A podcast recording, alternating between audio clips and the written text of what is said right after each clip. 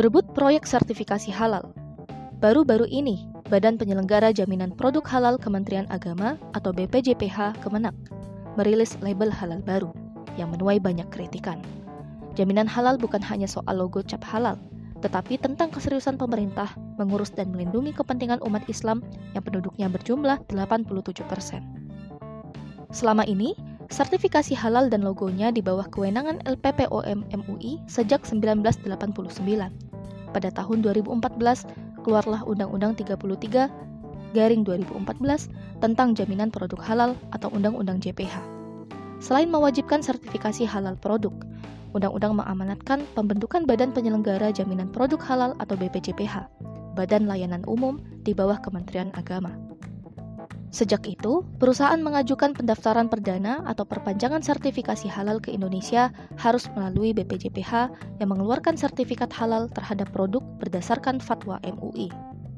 Saat Undang-Undang Omnibus Law atau Undang-Undang Ciptaker disahkan 5 Oktober 2020, Undang-Undang JPH dimasukkan dalam klaster permudahan perizinan usaha. Maklum, pemerintah berambisi menjadikan Indonesia pusat produk halal dunia pada 2024.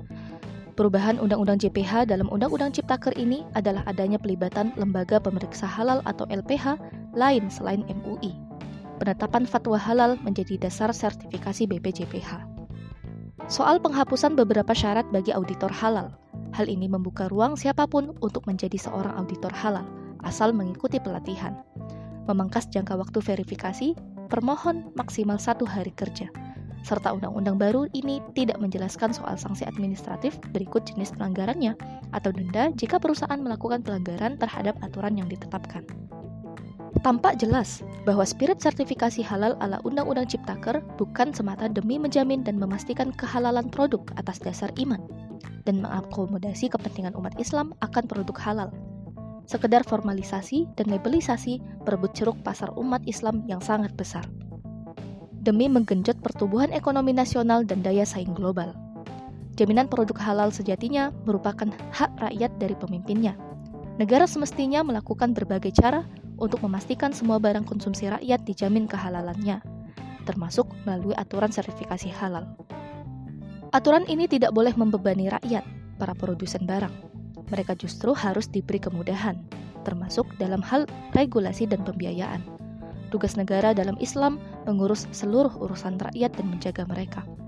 Penerapan sistem sekuler kapitalisme neoliberal membuat umat hidup dalam kesempitan.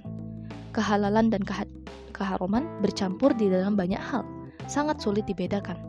Umat semestinya sadar, hanya dalam sistem Islam, yakni khilafah, jaminan produk halal bisa benar-benar diwujudkan. Presume Sabrina Karima S.